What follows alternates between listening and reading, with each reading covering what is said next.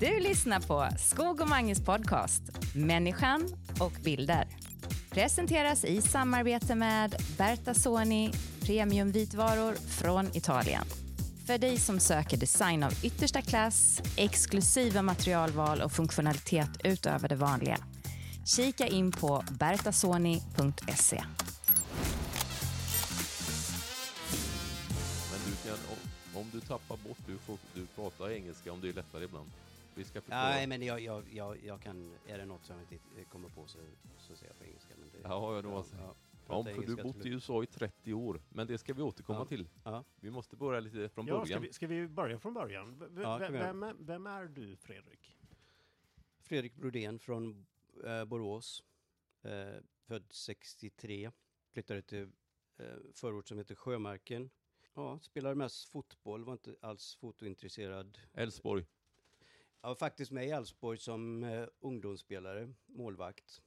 Ungefär... ehm, svårt att säga året, men jag kanske var 16-17 eller något. Jag var Du med. ville du bli fotbollsspelare egentligen?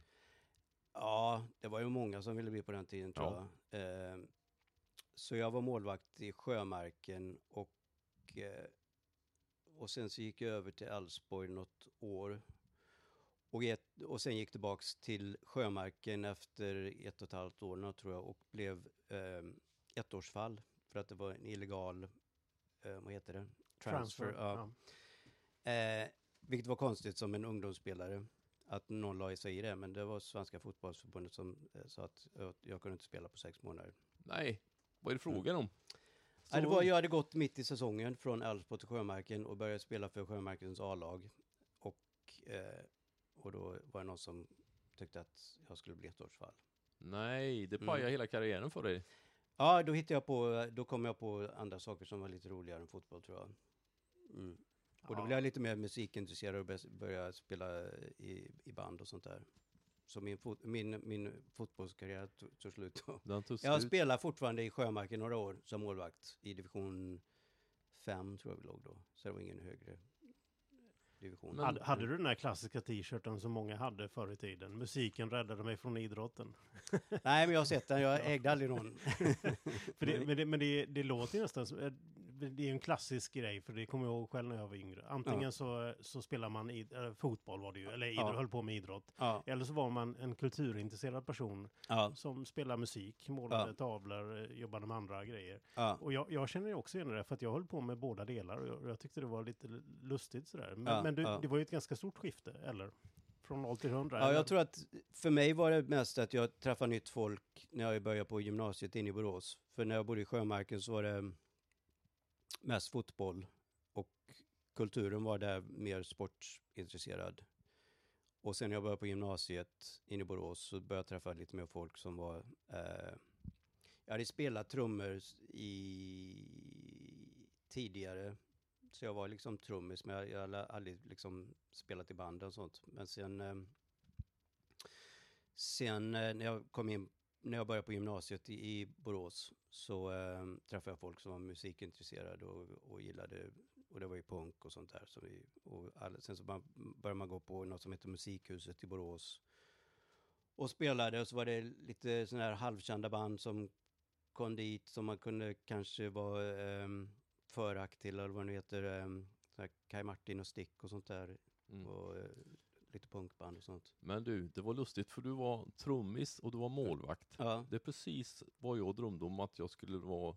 Jag var fotbollsmålvakt och jag, var, och jag ville bli trummis och sen, och sen gillade jag fotografering. Vad lustigt att du har samma. ja samma grej. Precis samma grej. kanske är samma blodtyp. Ja, det måste vara. Ja. Vad lustigt ändå. Och jag var anfallare och trummis. Så att vi Ja, har okej. i alla fall eh, drömmen Ja, om, om alla- trumsetet Ja, finns var ju i, Okej. lustigt i ändå. sällskapet. Här. Ja. Vad spännande. Men vad fotograferingen fanns inte på kartan nu då?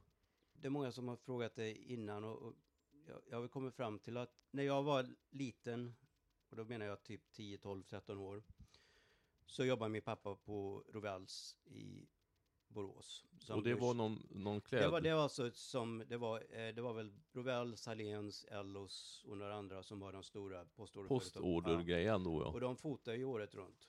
Just det, Eh, just det. Ja, så de, de går ju av, eh, de går ut eh, kataloger. Och då hade de en studio på Rovells som köptes av H&M på, jag tror när jag var, när jag var 13 och något. Ja, Men det var de, de köpte ju in Rovell, så de liksom, för H&M hade ingen eh, postorder då. Så de, jag tror de såg på Rovell så att det här köper vi så vi har en postorder. Så har vi en postordergris. Ja, Okej. För de hade ju infrastrukturen redan på, på Mm. Rovells. Så, eh, ja, Rovells H&M. Men de hade ju en studio där, så på övervåningen på Rovells i, i Borås så var det liksom en art department med, ja det var ju graphic designers och eh, fotografer som jobbade hand i hand och gav ut, men så man satt ju liksom, och då såklart så, så skar de eh, ut typeface och, och sånt där och, och la, la ut, gjorde ut layouts.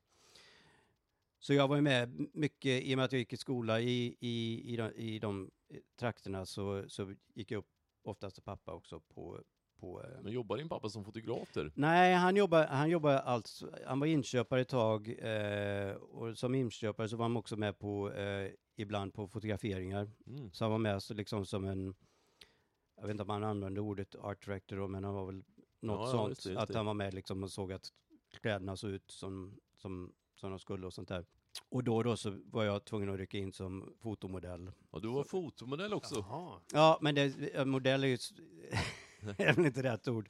Men det var att, att någon inte, det var typ någon tolvåring som skulle ha på sig pyjamas, inte var sjuk, som var sjuk eller något.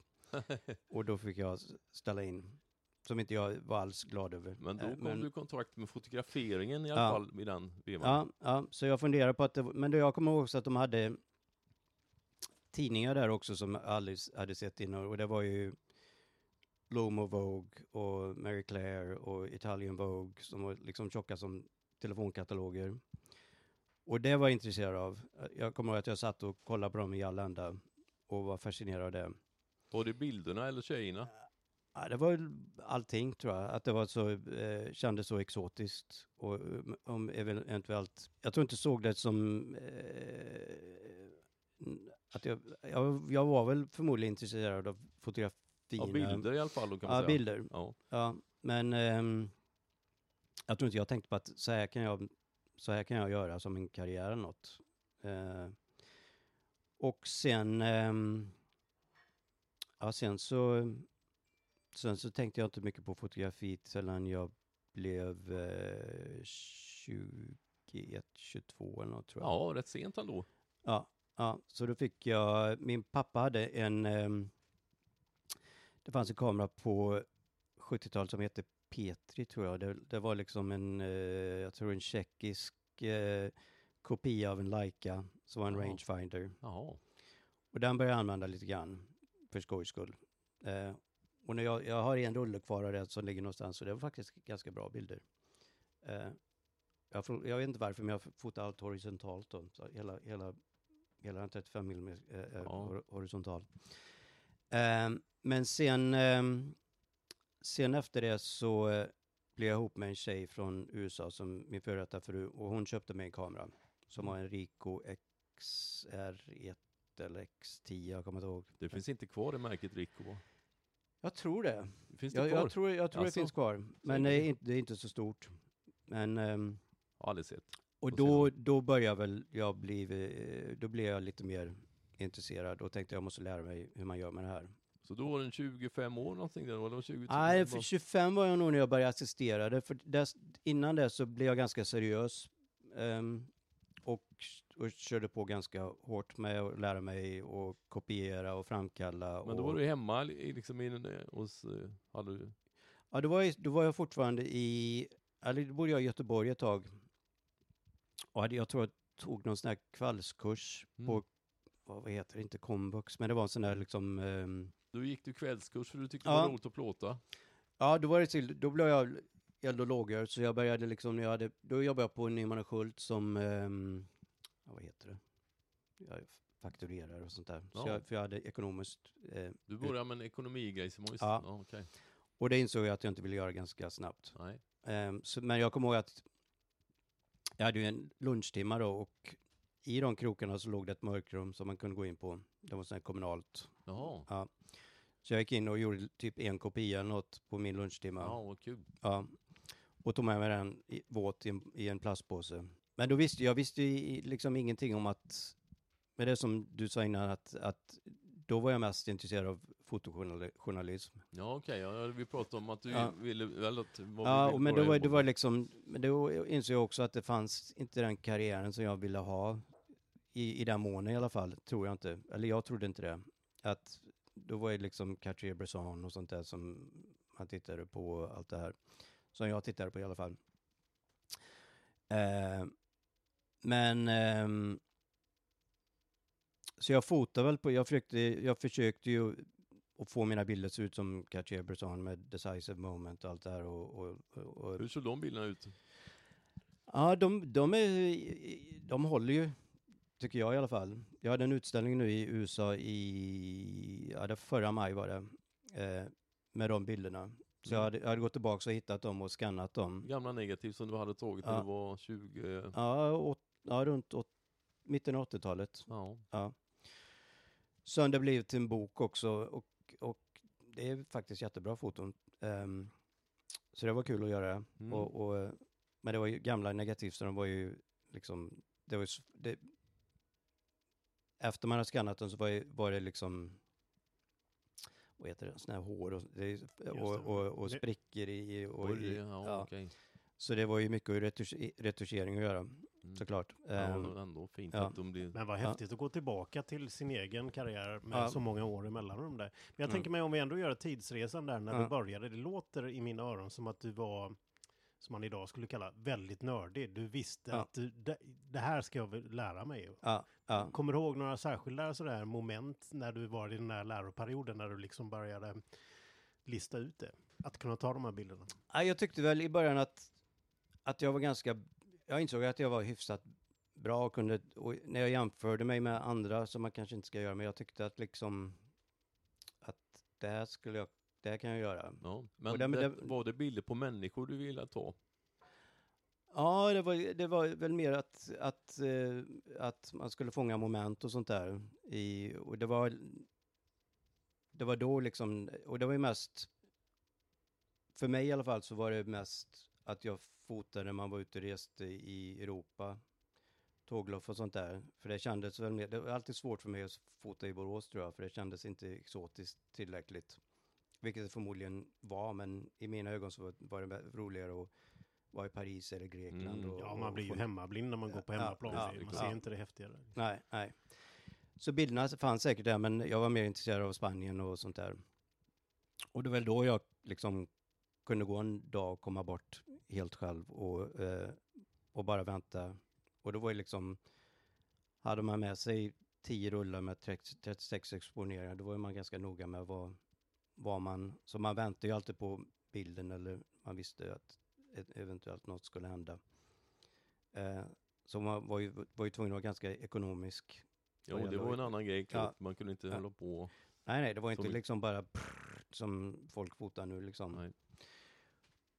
Men det är också bra för um, det är många som inte har det nu liksom. Och det, det, det, är det, det vi tjänar på också som har växt upp med film, att man tänker lite mer på vad man fotar och, och det vet jag också nu när jag jobbar på eh, reklamjobb och allt sånt, att eh, det är många som, eh, speciellt nya art directors, sånt som är lite yngre, som vill att det ska vara typ 100 exponeringar på något, så jag tycker att det räcker med tre. Mm. Och det kommer väl från att, från att man har jobbat med film och, och tycker Ja, att... man det kanske är- tänker ja, annorlunda då förstås. Ja. ja, ja. Om man har en tydlig plan ja. med sin fotografering, vad är det vi ska fånga här? Och Ja. att man inte, för för det upplever jag generellt, jag känner personer också som är väldigt rastlösa och med teknikens hjälp, Mm. det är så lätt att bara lyfta fram, knäppa av eh, tio bilder där och så Ja. vänder man och så freestylar man sig genom livet där. Men det låter som att eh, det har aldrig varit en grej alls egentligen, utan du är ganska du vet alltid, eller i alla fall på den tiden så visste du innan du tryckte på knappen så vad du skulle fånga för någonting. Ja, det, det tror jag. För jag, jag hade också, um, det var någonstans någon gång i tiden som jag läste om previous realization.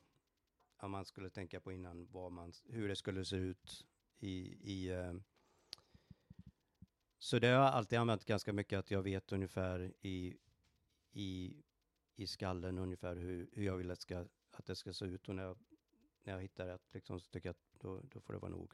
Men du, Eh. sen då, sen så, då tänkte Mm. jag, nej men nu kan jag faktiskt, det här ser så pass bra ut så jag skulle kunna leva på det här, kom i den vevan. Och sen, men då började du, Mm. hur kom det igång sen då? Så det började bli ditt jobb då liksom, ditt yrke? Nej, nej det, det, ja, jag började, vi flyttade till ehm, Stockholm 87 eller något. Eh, jag och min före detta fru som var, också var amerikanska. Men vi flyttade dit 87. Och då började jag på Kulturama, en fotoskola i, i Stockholm. Mm. Och eh, gick där på, jag tror det var halv, de hade någon halv, vad de kallar en halvtidskurs eller något. Eh, och det var 87 till 88. Eh, men då visste jag inte så mycket om foto, eller rekl- reklambranschen alls. Sådär. Och visste inte ens att det fanns någonting som hette att assistera. Men då, då träffade jag på folk i, på Kulturama som sa att ah, jag ska gå till eh, eh, ja, olika fotografer och, och söka som assistent. Och då blev jag nyfiken på det och eh, fick till slut jobb. ehm, ehm, jag vet, jag höll på att ringa och försöka komma in på eh, Mikael Janssons studio för han hade precis, precis börjat bli stor. Eh, han har väl kommit tillbaka och jobbat åt Avedon tror jag och börjat fota i Sverige. Men där kom jag aldrig in i alla fall. Så jag, jag kom till slut till eh, en matfotograf i Stockholm som heter eh, Hans Paulsson.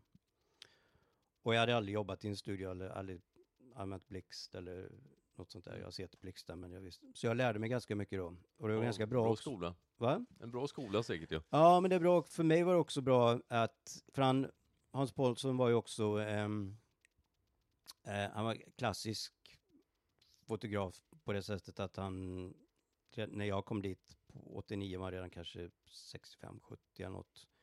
Och då fotade vi film såklart. Och han använde Profoto och, och eh, ja, vad var det mer? Mamias, eh, herz, ja. 645, Nej, den stö- större. 6 gånger 7 Ja, precis. Ja, Ja. Hade att framkalla all sin film i in-house. Så då lärde jag på det. Så jag var där ett år och lär, lärde mig liksom allt som jag behövde tror jag. Och däremellan så fotogra- fotograferade han också eh, eh, porträtt och sånt. Så jag lärde mig ljussättning. Han var, han var ju också jäkligt bra på eh, ljussätta Mm. med, med eh, blixt och sen använda speglar och sånt där. Så jag Mm. lärde mig jät- jättemycket. Han har ju sådana gamla tricks liksom. ja vad gött. Ja. Hur länge var du där då? Då var det ett år Mm. och sen flyttade vi tillbaks till USA ehm, våren 90. Mm. Varför blev det USA då? Din, Ja, då din hade vi, då, då, då hade vi, då hade vi precis fått barn. Max hade fötts, han föddes 89 och min fru ville tillbaks. Hon bodde då i Dallas. Och, ehm, och jag, hade, det, det, jag visste ju ingenting om Dallas mer än JR och Dallas TV-serier. ja, ja. Den svenska bilden utav vad Ja, Dallas är. ja, ja, men det, det var det enda jag visste. Då hade jag tänkt mig att jag var ju bara intresserad av att flytta till New York och assistera där. Men vi, vi, vi kom till Dallas och jag började assistera där istället. Och då visade det sig att Dallas hade en ganska bra och stor fotoscen. Ehm, så jag kom ju aldrig till New York för, förrän senare när jag började jobba och, eh, och sådär. I, eh, men då assisterade jag i Dallas i, i några år där. Eller något, något år, tror jag. Och du gick runt till lite reklamfotografer pratar vi nu då. Ja, me- mest, eh, mest modefotografer. Mm. Och du gillade ändå kläderna från Borås fortfarande? Var, och Ja, de det var väl- bilderna det var- satt det där var och väl- glodde. Ja, det var väl...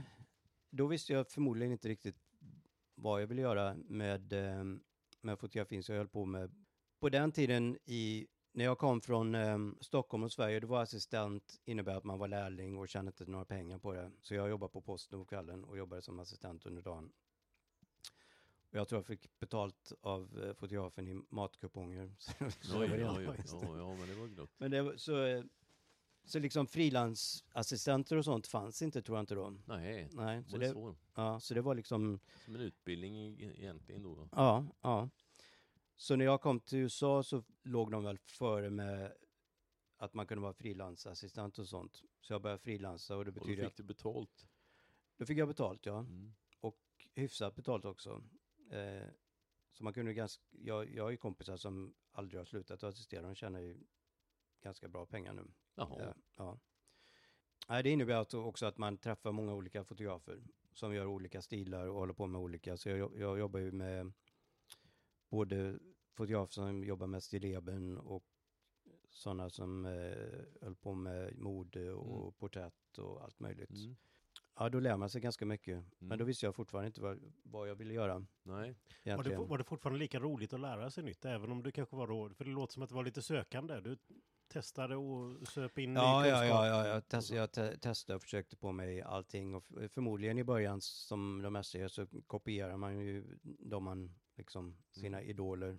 Och ser jag tillbaks nu så är det liksom mina stilleben ser ut som Irving Penn och sånt där. Och det, Ja, det, ja, du kopierar, ja, ja, intressant. ja. Men du, var det färg eller svartvitt mest då, som du sa? Färglabb och svartvitt? ja, det var både och. Ja. Ja, det var ganska, så jag lärde mig under den tiden också och, och det visade sig också att det var många som tyckte om, eh, vad säger man, kopiering när man gör svartvita foton? Eh, kopiering va? Ja. Ja. ja. Så jag kopierar åt många eh, fotografer. Mm. Så det, jag gick ifrån, eh, för jag gillar inte så mycket att, assistera. Jag, jag, vill hyfsa, det, det innebär att man laddar kameror hela dagen Ja, ja, med just film och sånt där ja. och håller ljus och sånt där. Vilket var okej för man, man, ehm, Man- lär sig ganska mycket. Mm. Men sen så under dagen också när man fotar med, med film på den tiden så var det så att dagen efter så tittar man på kontaktkartor Mm. och börjar kopiera. Du gjorde sen- kontaktkorten också? Ja, så jag kom in dagen efter. För filmen fram, framkallades ju under natten och sen Mm. så på morgonen så kom man in som assistent och så med kontaktkartor och sen eh, ja, så ska det kopieras och skickas ut och då Mm. var det att, att man tryckte det under dagen. Mm. Men någonstans på vägen så måste du tyckt att Nej, jag vill plåta själv. Jo, ganska snart, för jag, jag var ju liksom, jag var inte en bra assistent tror jag inte. För jag var inte, jag var inte så intresserad av att hjälpa andra. Nej, du tänkte att nej men så här ska Nej, men sen, sen, sen så också, ja, det, det kommer inte att låta så, så positivt, men, jag, men jag, jag tyckte att jag gjorde det här mycket bättre än dem. Ja, ja, ja, nej men det ska man... Ja, så jag, så jag tänkte, här går jag, här, en bra känsla. Ja, det, det var ju frustrerande också Ja, att se ja. att någon gör något som jag tycker att jag skulle kunna göra bättre. Mm. Eh, och han tjänar mycket pengar än vad jag gör. Så jag la av helt plötsligt, jag lag liksom cold turkey och sa att, jag sa till min fru att jag kommer inte assistera mer. Jag jobbar hellre på ja, Ja. Ica eller vad som helst. Men jag vill inte assistera längre. Och så det knagglade ju på, jag fick lite sådana här småjobb. Men då startade du egen verksamhet i Dallas då? Ja, ja. Vilket då pratar vi om nu då? då snackar vi om 92, 93 ungefär. Ja, Kan säga 93. 30 år sedan. Ja, Ja. ja. 30 år sedan. Ja, om, du, om man säger så. Ja. Ja, det, det behöver man inte Ja, göra. du har hållit på ett tag i alla Ja, fall, ja, ja. Ja, men du, hur Mm. gick det då? Då startar du upp själv? Då startade jag och då, då finns ju det, det fanns en legendarisk som är fortfarande hyfsat legendarisk i uh, editorial och magasinvärlden som heter Texas Monthly. Och det är många stora fotografer som har fotat, som började där och många ganska legendariska art directors som Fred Woodward framförallt som eh, är hyllad som en av de bästa i USA genom tiderna, på- som var på GQ och allt, allt möjligt. Men han, Fred var där då och han jobbar mycket med, eh, och det var i samma veva som eh, ett annat stort namn i USA, i alla fall som Dan Winters, som är en, en av de större fotograferna i USA, höll på och då försökte jag få in mig där lite på en kant och börja visa mina grejer och fick lite småjobb. Eh, och de var baserade i Austin.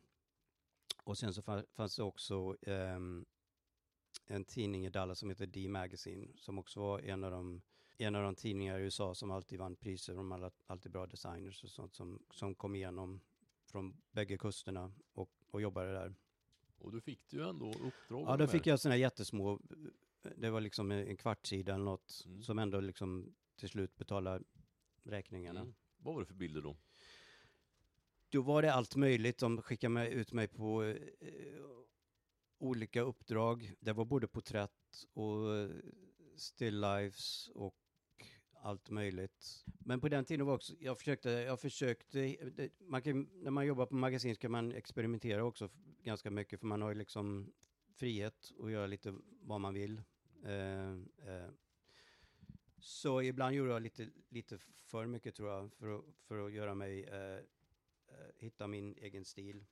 Så det, ibland gick det bra, ibland gick det inte bra för att jag liksom gjorde det för komplicerat ibland för att, se, för att få en för att få det Mm. att se Ja, speciellt vad ut. sa de då? Nej, det Nej, är det för, det, är det det är mycket eller det är för konstigt. Att jag, jag, de skulle vara nöjda bara med om bilden var i fokus och det var ett snyggt porträtt liksom.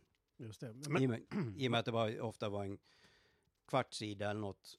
Och då hade jag försökt med för mycket, att den är som två gånger tre centimeter eller något så, så, är, så är det för mycket som hän- händer i den. Just det, men jag kan tänka mig det när du får ju ändå de här uppdragsgivarna och får Mm. jobba i det sammanhanget där och du har mycket i dig, det har du pratat om innan här, Ja. att du har länge jobbat som assistent och tränat och testat och lärt dig. Ja, Då måste man ju också veta det att träffar jag det riktigt rätt och får rätt uppmärksamhet så kom, Ja. då väntar ju de stora jobben i, ja runt precis. hörnet där. Ja, Men vad var det som hände sen då att du slog Ja, det- igenom eller? eller vad ja det, säga? det, det, som, det som hände, ja, 95 så hade jag varit, Um, du hade fått ett litet jobb av en designer i, um, i Dallas för att göra en, Um, vad var det? Jag tror det var en eh, årsrapport, annual report, vilket som var en ganska stor grej på 90-talet. Att man, eh, för det var många som, eh, stora företag som gjorde det, då ville ha någon, liksom en, en eh, ja, något, att, något att visa sina eh, aktie, med, aktieägare och sånt. Att man, att, så det, det var många som ville göra dem ganska konstnärliga. Så jag jobbade med en, em, en designer och fotade en eh, årsrapport som var liksom en svartvit och det kändes, ehm, jag har inget exemplar på det här, men det, det kändes nästan som, vi hade skissat ut det så det var liksom utskissat hur det skulle se ut och det vi var ute efter var väl att det skulle se ut som om det var en, ett uttag från en, en um, typ en italiensk svartvit film som uh, typ eller någon uh, Godard-film eller något. Så vi, ande, vi använde folk som uh, props eller vad man ska kalla det. Och så trycktes den och vi tänkte inte mycket, vi var ju nöjda med det och alla var nöjda och eh, på den tiden, så, och det finns fortfarande, så fanns det i USA i alla fall, varje år kom Communication Arts ut. Och det var det bästa fotografiet och bästa designen under året. Så alla, köp, alla i industrin köpte och pre prenumererade på eh, Communication Arts. Så 95, så, och då måste man, eh, vad heter det? Att man lämnar in och ehm, Man skickar in Ja, man skickar in och så betalar man en avgift och så är det typ 10-50 tusen andra fotografer som gör. Så det, det, kommer man in så är det prestigefyllt.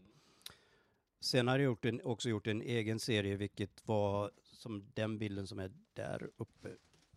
Eh, det var en serie från ehm, Är det på där? eller Ja, det var, det var en serie jag gjorde i, i Spanien som var ganska, eh, den den- ganska pik, piktorial eller vad man ska kalla Mm. Så jag, jag fotade allting i motljus och sen så, Det är en armbåge. ja precis. En, det är någon, Ja. en man som står och så ser man armbågen och så ser man en tjej genom armbågen, eller inte genom armbågen, det var svårt att förklara. Ja, Ja, ja. ja. men vi måste lägga ut dem på Instagram så kan man titta på dem. Ja, det kan, ja, det kan vi göra. Ja, jag, ja, men då använder jag mycket förgrund och bakgrund så jag fotar liksom genom eh, kroppar till en Ramar mindre in kropp. och Ja. Ja, just det. ja. Och, och fota i motljus det blir liksom silhuetter. Mm. Och sen så blekte jag det i mörkrummet och höll på med lite olika tekniker och sen dessutom, sen så la jag också ehm, vaxpapper på, på pappret innan jag, när jag exponerade. Så det blir Jaha. lite sådär konigt och sådär. Mm. För jag ville att det skulle se ut liksom nästan som en målning eller sån här pictorial. Så 95 i Communication House så kom ut både den här årsrapporten som jag hade fotat och den här personliga serien som jag hade fotat i, i Spanien. Du blir som en genomslag för det där då. Ja, då, då kom bä- bägge de här serierna i, Mm. så jag hade mest foton med i hela Communication Arts. Ehm, och det hade precis fullt, fyllt 30 eller 32 eller något. Så jag var inte helt beredd på det här, att, att För då började telefonen ringa. Säger du Men det? vi stannar Ja. till där. Hur kändes det? Det måste du komma ihåg. När du, Jo, när du jag, jag, jag, jag, jag, jag, jag, jag, jag var ju både eh, jätteglad och livrädd samtidigt. För jag visste ju att någonting kommer hända med det här. Ja, men vilken känsla. Mm. Ja, det var ju suveränt. Ja, Ja. Och mycket riktigt så började telefonen ringa. Och då var det telefoner också. Det var ju telefoner och faxmaskiner. Det var inga mobiltelefoner. nej, nej. Så jag hade mitt telefonnummer då. Och, eh, men då började, då, det var då jag började jobba mer på öst och västkusten. Eh, Helt plötsligt så gick jag från att fota i små lokala, då, då fick jag jobb för Nike och Reebok och gjorde kampanjer helt plötsligt. Men Ja. det var ju, det var ju naturligtvis, kommer man från Borås, vad heter det på svenska, imposter syndrome, när man inte liksom hör till, att man känner inte, sig inte tillräcklig. Ja, Det är, jag någon, det är någon sån här ångest i alla fall. Att, Ja, ja okej, okej. Ja. Så Ja, jag det var, var jag, jobbigt samtidigt detta då? Ja, ab- absolut, för jag, var, jag, jag kände ju att, att, att, att jag var liksom värd det här, eller på något sätt. Du hörde inte hemma där på Nej, något sätt. nej jag, jag, jag, jag tänkte det, här- det här, Men du Men- hade, men- du, tankarna var ju fortfarande kvar i Ja, Borås det- hos dig, att, att man är jantesvensk ändå Ja, på något ja. sätt liksom. ja, lite det, lite det. Så, ehm, så ehm, men jag fick jobben och eh, fick en agent um, som jag började jobba med. Som den agenten hade jag kvar fram till, jag, jag, jag jobbade med henne säkert 25 år eller något. Men det, det gick ju bra till Då, slut. då hade ja. du ju verkligen från små lokala Ja. till att du jobbade med stora, stora reklamkampanjer, till Ja. exempel till Nike. Ja, vilken Mm. grej. ja, Vilken. Och det är klart, det måste varit lite ångestfyllt på vägen ändå. Ja. Ja, speciellt när man inte eh, hade gjort det innan liksom. Eh, på den nivån. Och sen så såg man budgeten och så tänkte jag, "Ah, fan det, det är för mycket, eh, varför, varför ska de betala mig så här mycket pengar? Och, och sånt där. Och, och då var det liksom, jag var nästan rädd för att man skulle Ja men det, man, man, man jobbar igenom sådär och efter ett tag, efter några jobb, så, för jag har fått ganska mycket under de åren baserat på det jag har kommit in med på commu- communication för alla vill ha liksom den, den looken, den, den känslan på bilderna. Så jag blev anställd på grund av det och alla ville, när Nike kom till mig och Reebok och eh, sen så var det, eh, ja, var, och sen var, det, sen så var det tidningar också som Esquire och GQ och så jag började jobba med tidningar i, i New York och sånt. De vill också ha samma känsla på bilderna som, som jag hade med i communication art, så jag blev ganska utbränd efter ett par år att göra liksom Jaha. samma grejer hela tiden, eller liknande. Men det var liksom början och sen så får man be om lov nästan när man jobbar med en art director. Kan jag testa det här istället? Kan vi gå? Och då, då har jag börjat fota lite färg också, eh, mer och mer. Jag höll på mest med svartvitt, för jag kände mig mest hemma där, att jag kunde kontrollera allting. Hur stod det till då i den här perioden från Ja. 95 till eh, låt säga eh, 2000? Ja, De fem åren. Ja. Hur var, vad var det för teknik? Vad hade du för kameror? Och det var svartvit film? Och, Det var svartvitt. Ehm, jag hade, jag fotade nästan exklusivt bara med eh, Mamiya 645. mm. Det var det systemet. Eh, jag började med Hasselblad, men eh, sen de jag hade assisterat i, i Dallas var det några som använde 645 Mamiya. Jag tänkte det här känns snabbare och Mm. känns mer som 35 mm, men Mm. större negativ. Så det, det var det jag fotade med, och lite 35 mm. Så från 95 till 2000 så eh, var jag tvungen att börja resa lite grann också och eh, ja, då blir det ju liksom en, ny värld då, för då, då jobben innebär ju att man har en producent och, och sånt där och, och jobbar med eh, ja, ett helt, man får ju försöka få ihop ett team då som Mm. man jobbar med, med assistenter och, och sånt där. Då hade du skaffat dig egna assistenter nu då?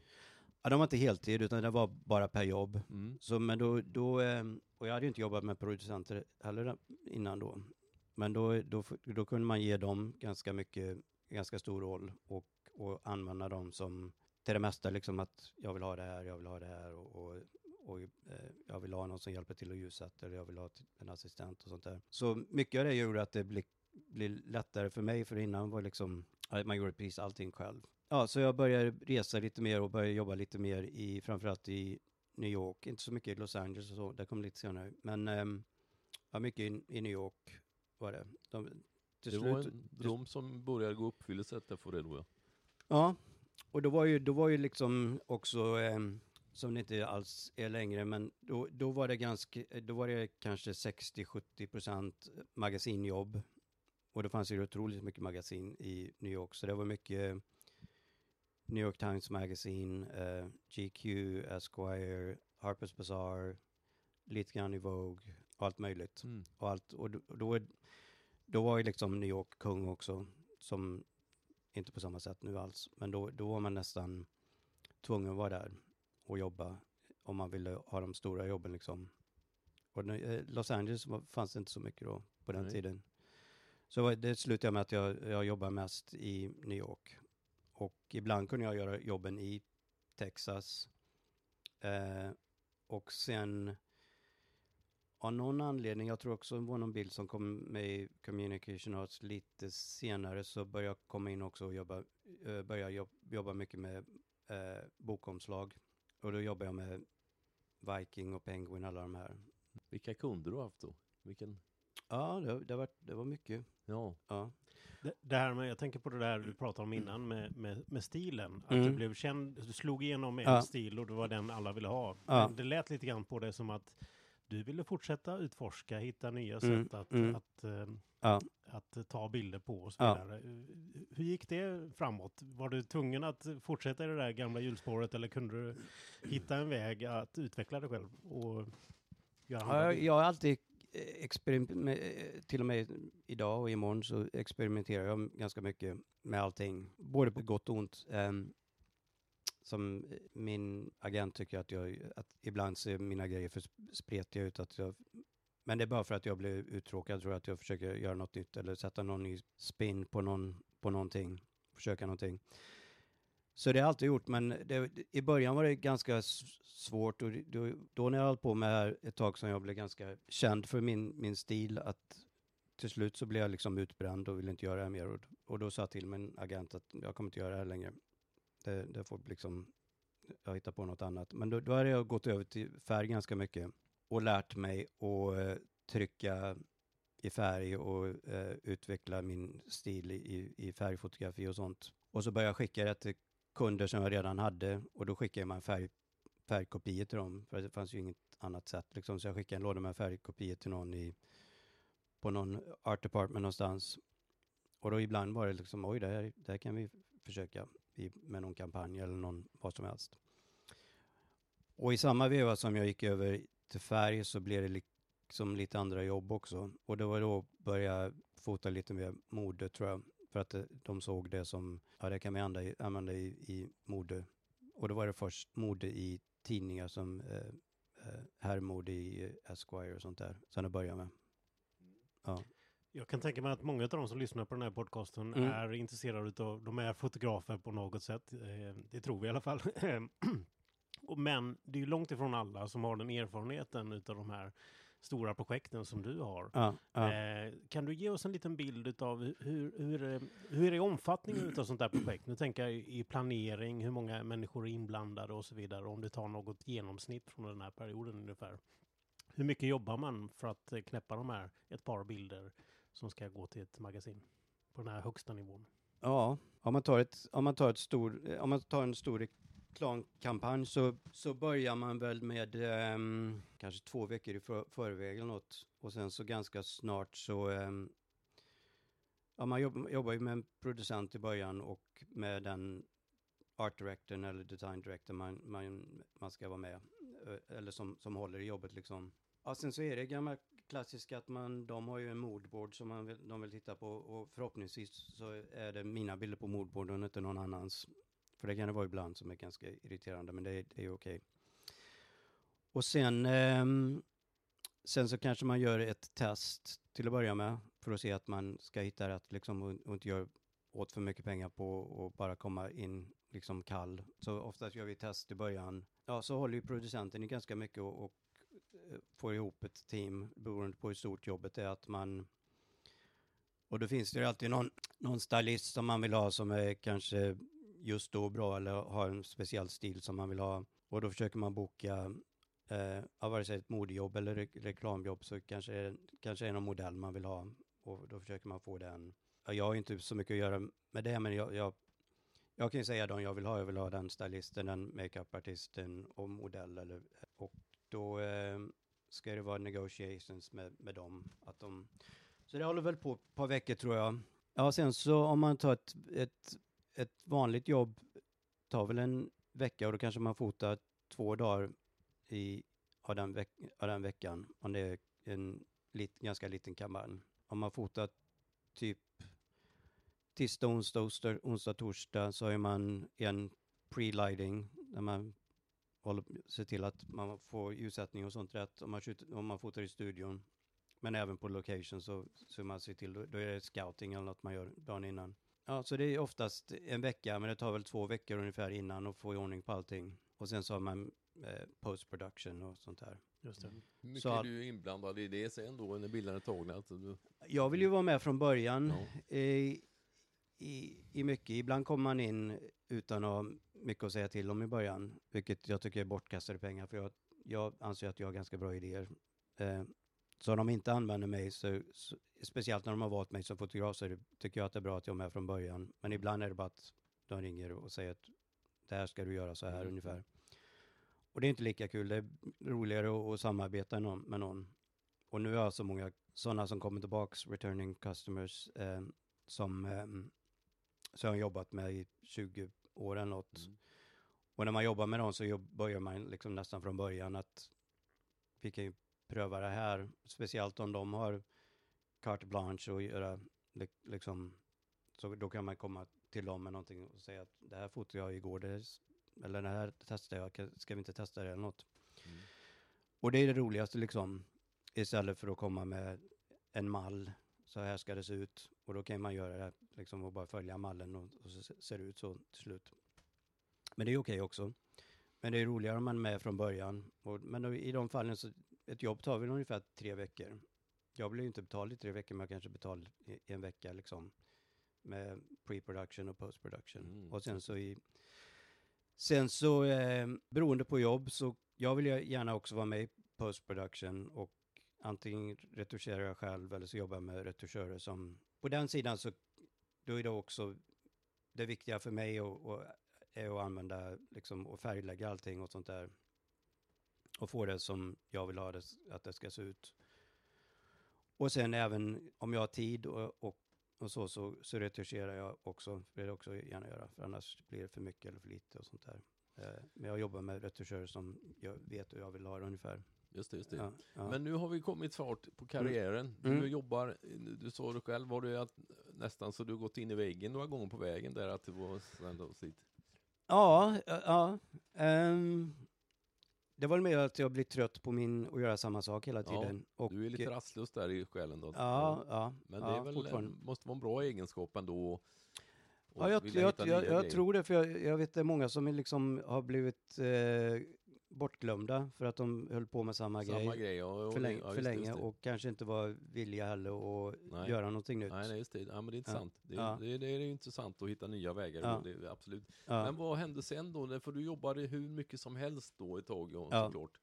Har det varit så fortfarande på vägen? nej, nej. Har det varit dippa på vägen då? Ja, det har det varit. För ehm, det, det största var väl när, när alla magasin och sånt började falla bort. Vilket då- år kan detta ha varit nu då? Ja, då, var vi, då är vi framme vid 08 eller något. Så fra, från 1000 till, eller 2000 till 2008 eller något, så Mm. liksom, det har varit, det har varit ganska bra hela tiden Mm. sådär. Eh, med lite dippar här och där, men inget, inget sådär radikalt. Men man såg ju lite när digitalt började hända, liksom att Mm. man var inte den här alkemisten längre som kunde göra grejer som ingen andra Nej. kunde göra. Utan det var liksom, ja det kan vi också göra för det är man Mm. Eh, Så man var inte lika speciell då, tror jag inte. Nej. Så det, det föll väl lite bort, tror jag. Men det var ändå, det var ändå att ehm, jag höll på fortfarande mycket med bokomslag, eh, tidningar, reklam och sånt där. Mm. Ehm, vann fortfarande ganska, på den tiden var det ganska viktigt också att vinna eh, olika sådana här communication arts, eh, American photography och sånt. Och kom man med det så visste varje år var det också att ja, det betyder att du, att du får mer jobb. Mm. Eh, för det var ju liksom bibeln på den tiden. Men eh, sen började det gå kri kris på tidningar eller magasin. Mm. Då började allting ändra sig. För då, var det, då gick det från att, att jag var tvungen att tacka nej till jobb nästan varje dag till att det fanns mindre och mindre, telefoner mindre, ringde mindre och Mm. Men det var ju på grund av att tidningar föll bort, de mi- mindre budget, Mm.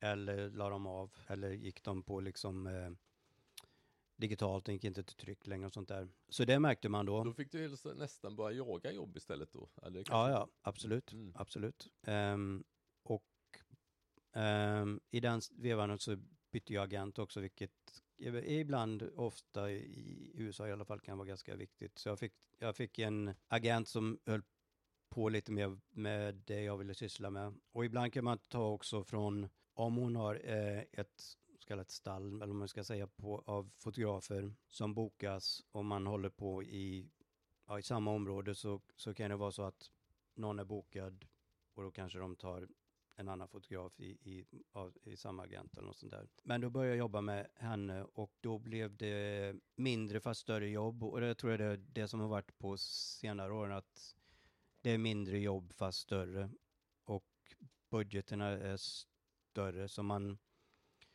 har man liksom två stora jobb i månaden något så, så räcker ju det. Men förr i tiden kan det ha varit så, i slutet av 90-talet något så kanske det var 20-30 jobb i månaden, något som man knappt hann med.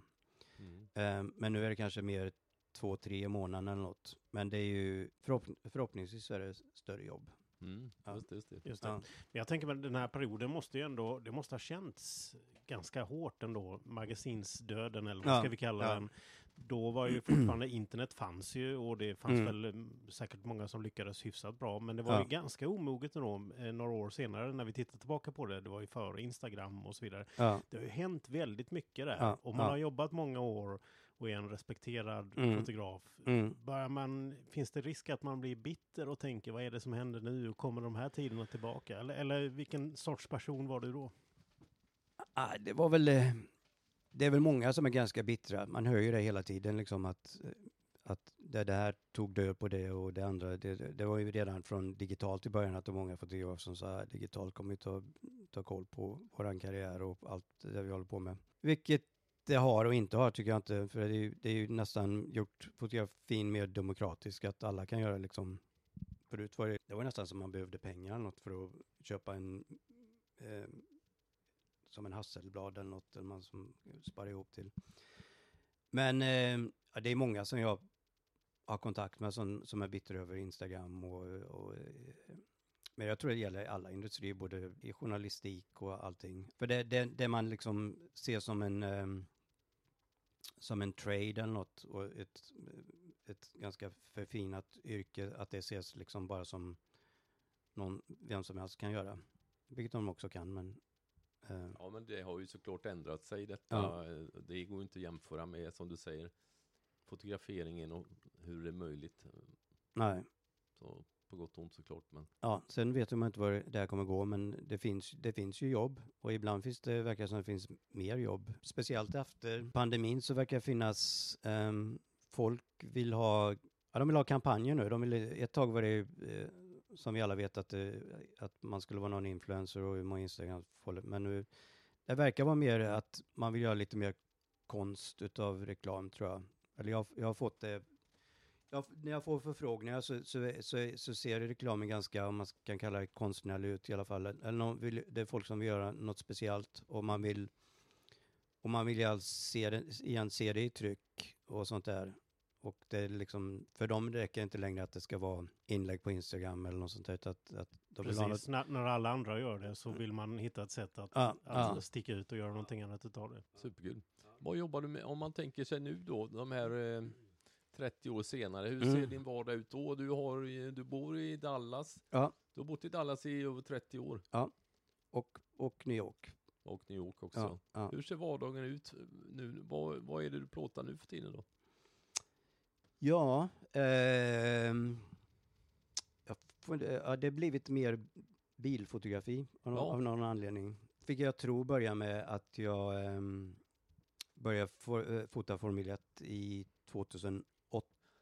Detta är ju intressant för att Mm. jag, Jag eh, började också fota Formel 1 2008 Mm. och sen har jag ju inte gjort så mycket annat än dess. Nej, nej. Men det är ju väldigt fascinerande att Ja. jag, jag har alltid trott att jag var den enda svenska fotografen. ja. Men du har varit på några Formel 1-race genom åren också plåtat och Mm. sen har vi aldrig sett, det är lite lustigt.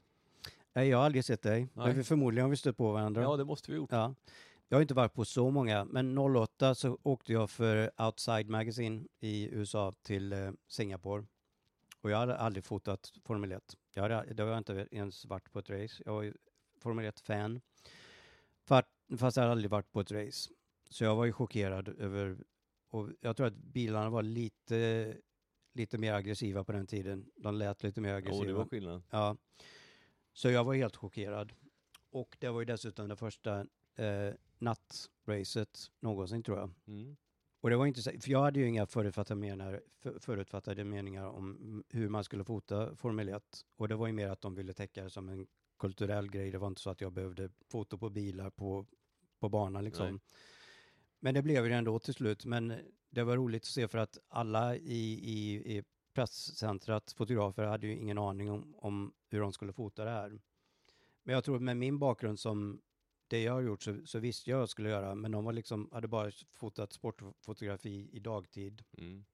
Så jag hade en liten idé hur jag skulle fota det, vilket funkar till slut. Men ehm, det var så jag började med bil och då kom jag i kontakt lite mer också med eh, olika folk som var bilintresserade.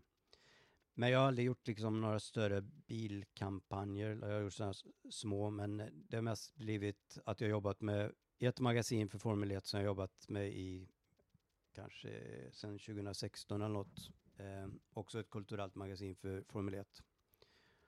Och Vilket sen, magasin är det? det heter Race Weekend. Race Så Weekend. jag har en kopia där inne. Så jag kan, vi kan gå och hämta sen. Ja.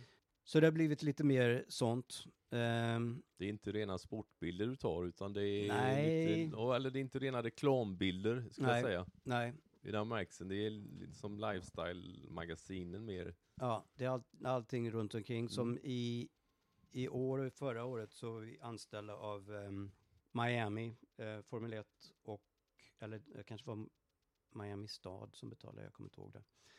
Och sen eh, samma i, ehm, nu i Las Vegas, att vi gör en race weekend fast det heter race weekend Miami eller race weekend. Mm.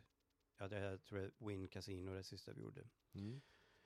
Men då blir det liksom eh, lite behind the scenes, eh, fast till och med tidigare. Så vi, när, när vi var i Miami så fotade vi till, till typ Lilla Havanna och fotade. Det är nästan som en guide till, ehm, till stan som vi fotade så att det var på ehm, hotell och sånt där. Att det här ska du göra i Mi- Miami. Mm. Och, och sen så kom, kom vi tillbaka under racet och fotade kultur runt omkring racet inne på, ehm, så jag hade ju tillgång till um, paddock och sånt där och vad heter de där klubbarna som ligger där uppe? Um, paddock Club eller något. Paddock Club heter de, exakt. Ja, just det. Mm. Som är dyra att gå på. Men jag hade ju tillgång på allt det, så jag fotade lite liksom runt omkring publik och mat och så här eh, med blick, ganska hård blick och sånt där. Och, och, så jag fick göra vad jag ville och så, de, så gjorde de en bok av det sen. Och sen är det, för jag tror det är många i, i den världen, i bilvärlden och magasinvärlden som, som har blivit bekanta med Race Weekend. Så jag har fot, fotat tillräckligt mycket med bilar fast inte sportfoton. Eh, att det är andra som har börjat ha, höra av sig. Eh, så i, som i somras till exempel, jag har varit i Sverige nu i, sen i maj, så åkte jag till Washington DC för att fota i studion då, och då fotade vi nästan som smycke, men då hade de första ADTT, som hade kommit till USA, den första bilen som rullade av båten och där, den var 36 kilometer bara på den här bilen. Och där hade vi den i studio och fotades. Jag, fot, jag, min tanke var att fota det som ett smycke, så vi ljussatte det som ett smycke. Eh, och det blev bra till slut. Men eh, sådana grejer som jag aldrig gjort innan liksom. Mm. Men nya eh, har- som dyker på. Ja, Ja. och sen har jag fått eh, förfrågningar då om, om att göra, efter det här, och göra lite bilgrejer. Så det kanske blir mer av det. Och det är ju något som om du hade frågat mig för tio år sedan om, om jag skulle göra några Mm. bilbilder så hade jag förmodligen sagt nej, det, det Nej. blir det nog inte. Men Ja. du, blir du tvingad att göra det, eller känns det som ro? Eller jag tänker om man, hur är det på resans gång just det med att man vill prova att göra nya grejer eller att man får ehm, på något sätt leta upp jobben för att man inte, man vill jaga in jobben och så blir det ändå nya Jag upplevelser tack jag, vare vet, att man jag, inte har sett dem. jag, jag tror att, att, att man kan, om man kan sätta sin stämpel på, eller min, mitt sätt att se grejer, så tror jag till och med om, om det skulle vara att eh, om jag börjar fota fotbollsmatcher eller något så skulle jag förmodligen göra det på ett sätt som skulle vara roligt för mig att göra. Beroende, då kanske det är objektivsval eller hur Mm. man gör och sånt där. Ja, men det är ju, att- detta är ju superspännande för då har Mm. man ändå sitt uttryckssätt alltid Ja. med sig oavsett vad man plåtar har man ändå sin egen, ja det är ju, det är ju, Mm, mm. det är, det är ju så man vill jobba såklart. Ja, ja. Och jag vet att när jag, när jag, när jag har fotat Formel 1 så har jag alltid, jag tror mina Formel 1-bilder, om man säger det som är på banan och sånt där, har jag alltid varit, varit mer inspirerad av 70-talsbilder bilder av Formel 1. För nu tycker jag, min personliga smak när jag ser Formel 1-fotografering är att det ser ut som, det är många som håller på med panning och liksom light streaks och, och sånt där. Men jag har fått både kritik och, och, och men det är många som sagt att, och det, det är också som jag tänkte, att jag gillar 70-talsfotografering av, av Formel 1, när liksom hjulen står nästan still och, och sånt där. Så jag, så jag fotar det ganska på hög hastighet, så, Mm. så det är liksom så Frysa det, så, det, ögonblicket. ja, så det ser det nästan ut som att de står still och sånt där. Om man, säger, om man tänker så liksom och, och, och, översätter det till fotboll eller, eller någonting som, jag har snackat med en kompis också, det är eh, creative directorn på um, Race Weekend som är Tom Brown heter han och bor i Vancouver. Men eh, han är jätteintresserad av bilar och, och är jätte, jättebra graphic designer. Och vi har snackat mycket om att komma till Sverige och, och eh, fota speedway på, på is och sånt där. Vilket jag tycker skulle vara, Mm. man kan nästan fota som konst eller något. Ja. Så jag är intresserad av det nu. Men för tio år sedan hade jag säkert inte varit intresserad av det. Nej, men Nej. det är ju bra att man eh, Ja. får se nya saker, utveckla Ja. sig själv. Man ska Ja. inte stå stilla, det vill man inte göra. Nej, nej, absolut inte. Mm. Mm. Jag tänker när vi pratade där om eh, Formel 1. Eh, jag har Ja. sett några utav dina fantastiska bilder på hjälmar, de här Ja. världsmästarhjälmarna. Kan Ja. du inte dra den storyn lite grann? För att det, det, är ju, det säljs ju som fotokonst och, och Ja. uppskattade bilder som, som du är igenkänd för. Eh, hur gick det till att du, att du ganska stilistiskt och stilrent plåtar de här hjälmarna från världsmästare i Formel 1?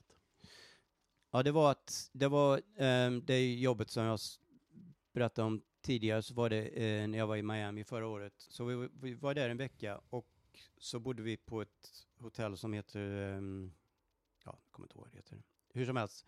Så visade det sig att eh, han som var manager, general manager på hotellet, en fransman, han visste att vi var där och fotade och han sa, jag har en stor samling med racing helmets. Och han, han eh, sparar på sina idoler och han sparar på, bara på World Champions. Så han hade, nu, nu vet jag inte alla som han hade, men det jag ställt ut sist eh, var ju Ayrton Senna och eh, Michael Schumacher och eh, Lewis Hamilton. Men du, ägde han de här äkta hjälmarna? han ägde dem, ja. Äkta som föraren har haft? Ja, ja, Ja. Vilken förmögenhet. ja. Så eh, ja, jag tror han hade mycket pengar. Men ja, det eh, måste han nog ha haft. ja, ja, eh, bedöma på hans lägenhet så hade han ja, ja, ja det visade sig. Ja, Ja. ja. Så vi kom hem till honom och då hade han byggt glaskabinett åt varje Jan. Mm. Så det såg ut som en uh, Damien Hirst installation eller något de Mm. här. Så fick vi fota dem. Han hade väl ett 20-tal, vi fotade 12 tror jag. Slutade. Och jag kom ju inte förberedd alls. ehm, så jag hade ingen ljussättning eller något med mig. Och så vi fick... ehm, vi gick ut, lite lampor.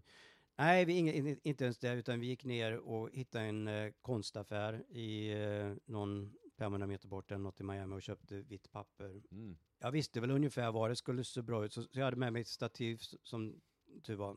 Så jag satte upp stativet och så använde jag vitt papper och använde ljuset som kom indirekt från balkongen och försökte skapa något som kändes när det inte var för mycket reflexer av Mm. rummet och sånt där. Det såg ju bra ut till slut. Då var det mest som ett uppdrag att, att vi skulle fånga det här och ha med i tidningen. Så vi var, var med en eh, tiotal Hjalmar till slut. Och det var, jag tror det var Lewis Hamiltons hjälm från 07, vilket var hans första år tror jag. Det var hans Monaco-hjälm 07. Och sen så var det Senna från 92 och han hade många Schumacher-hjälmar men det var typ ja, klassiska förr i alla fall. Men eh, hur som helst så eh, när jag hade retuscherat de här och, och, och allt det här och så ju mer jag tittar på de här så tänkte jag det här är ju det här känns ju lite som konst. Konst, konstverk ja. Ja. Mm. Jag otroligt jag ställer ut ganska mycket så ofta jag kan i mest i USA men även här i Sverige. Så, men då var det några som ehm, kontaktade mig om hjälmarna och frågade lite och var lite intresserade av att ha med det i andra tidningar och även det var någon som ville köpa en. Mm. Och då frågade jag också en kompis som mig som är Formel 1-fan, skulle du köpa en sån här hjälm? Mm. Abs- Absolut, speciellt om du tycker den stort Mm. så, så kan det vara ballt. Så jag försökte med det i, jag hade en utställning, jag var med med en liten utställning i april eller något i år. Och då ställde jag ut en hjälm bara. Och det var Lewis Hamilton tror jag. Sen eh, började jag tänka på det lite mer och fick kontakt med, eller har- jag har haft kontakt med ett ställe i Austin som förmodligen vi ska ställa ut där under ehm, Race Weekend i, nu i oktober. Mm. Och då blir det mer hjälmar som ska ställas ut. Men Okej. eh, i somras så, eh, det galleriet som jag jobbar med i Halmstad, The Photo Gallery, jag var där, och, inte av en ren slump, men jag bara åkte dit och, och sa hej och visade, så visade jag dem bilderna. Och då sa de, men vi kan göra, de hade ju en utställning som, när vi träffades, eh, Mm. som var om ce- celebrities. Och då sa de, men det här är ju celebrities fast det är hjälmarna.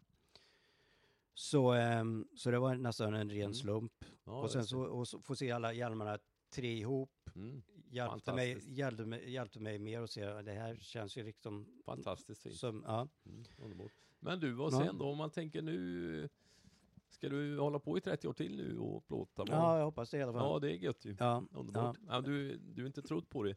Nej, absolut inte. Nej. Det, jag, jag, jag vaknar mest i panik på morgonen att jag inte har tillräckligt med tid att göra det jag vill göra. Ja, du har lite projekt Ja. som du vill göra, det är gött. ja, ja. Som nu till exempel så går jag på dagarna och plockar bär och fotar.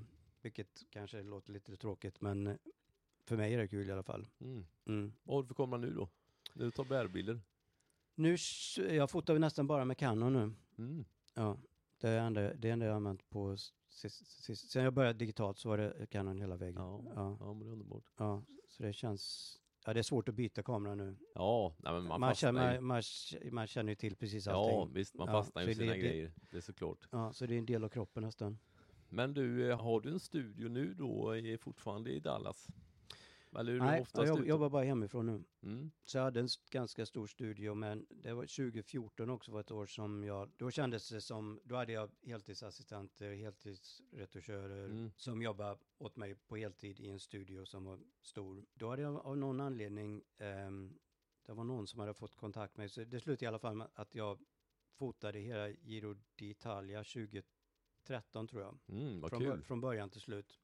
Och det var också bara kultur runt omkring. Ehm, det var non-profit som ville att jag ska fota publiken, kultur. Mm. Och då kändes det liksom att komma tillbaka till studion kändes nästan som bara en tyngd på Ja, du sen bestämde, nej nu skiter jag i studion. Alltså jag la, med, la, jag la ner min studio för, för det första så var det så att första, nästan första två veckorna av att jobba var att man bara skulle betala folk som, Mm. som jobbade där. Mm.